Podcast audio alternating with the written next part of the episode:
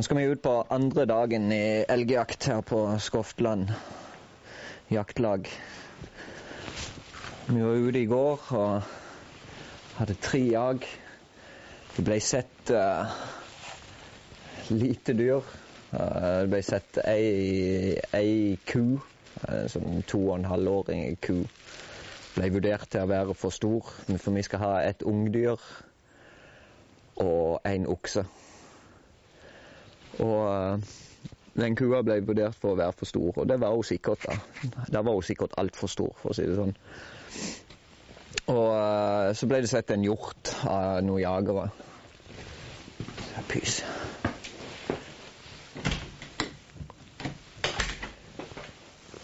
Um, så nå skal vi ut dag nummer to. og De meldte jo masse regn i dag, men det ser ikke sånn ut. Så det blir jo helt supert.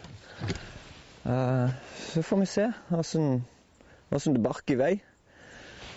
Nå venter der en haug med andre skyttere og noen jagere uh, lenger opp i veien her. Så kan vi gå og møte de og ha en liten samlingsstund og bli enige om hva vi skal gjøre for noe i dag, og hvor vi skal. Og så setter vi i gang.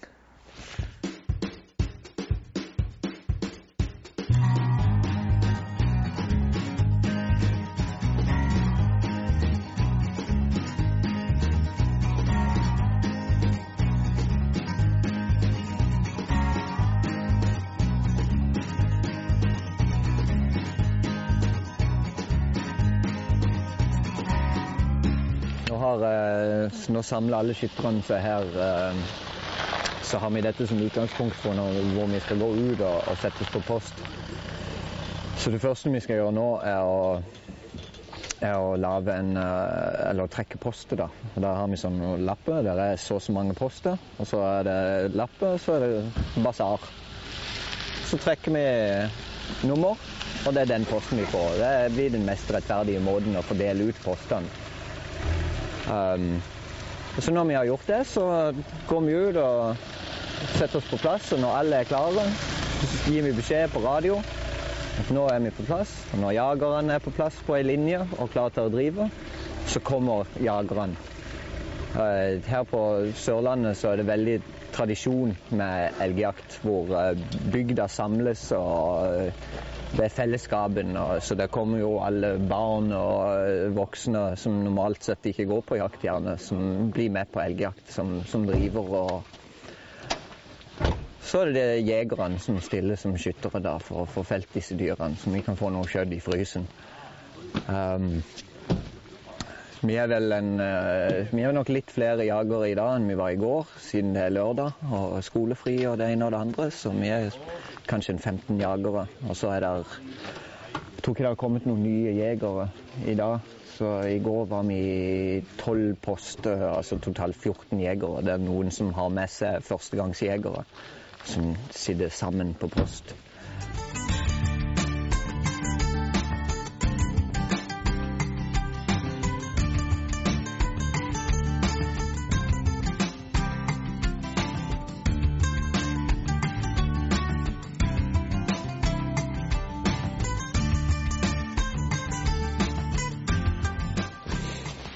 Nå er vi på plass her på, på post 9.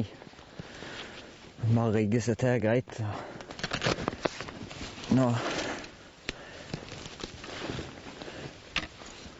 når vi, når vi har kommet oss på den plassen vi skal være, så først da kan vi ta skudd i, i geværet. Så er det jo sånn at når jaget er ferdig og vi forlater posten, så skal vi fjerne skudd ut det. Er, det er sånn sikkerhetsmomenter for å unngå våte skudd og det ene og det andre. Viktige ting. Um, nå sitter der en mann på andre sida av denne skjønna her. Og så sitter neste post inni, inni trærne her har en sving i veien. Så sitter den inn i trærne. Så den vil dekke da alt som kommer ned i, i, skogen og i kanten der og vil over der.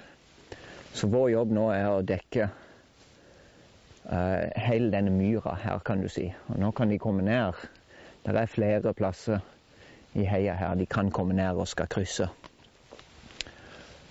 For nå kommer alle jagerne. De har da plassert seg ut uh, på andre sida av disse heiene her. Og kommer nå drivende mot oss på den måten. Og så er det sånn at når post nummer tolv har kommet på plass, så kaller han på radioen og, og sier at nå er alle skytterne på plass.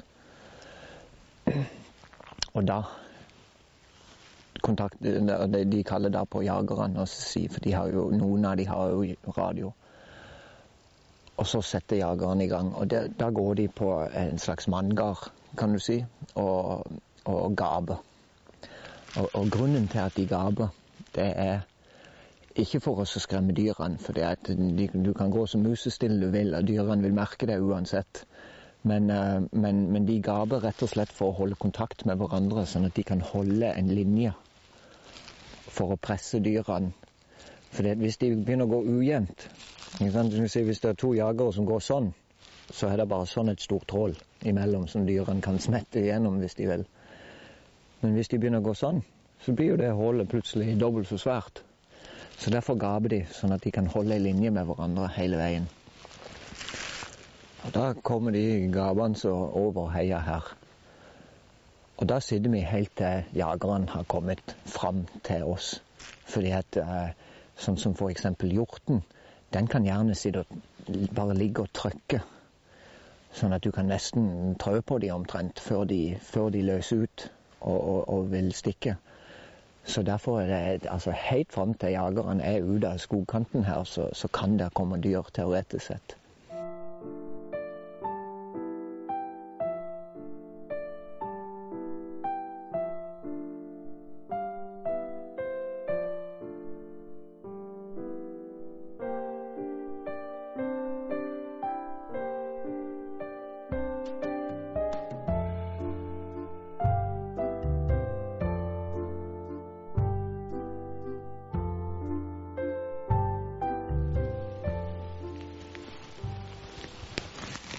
Alle jagerne har kommet fram nå, ned forbi oss.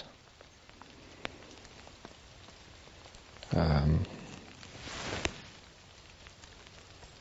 de har en, uh, Jagerne har en litt vanskelig jobb av og til, med, når de er, spesielt når de er så få. Fordi at um, på grunn av terrenget og sånn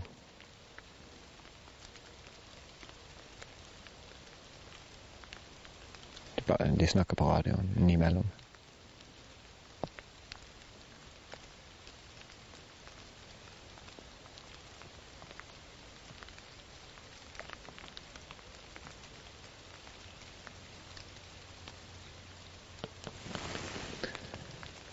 Um, Pga. terrenget og, og det, så er det ofte sånn at de, at de må gå rundt noen bratte knauser, noe skrent og noe sånt.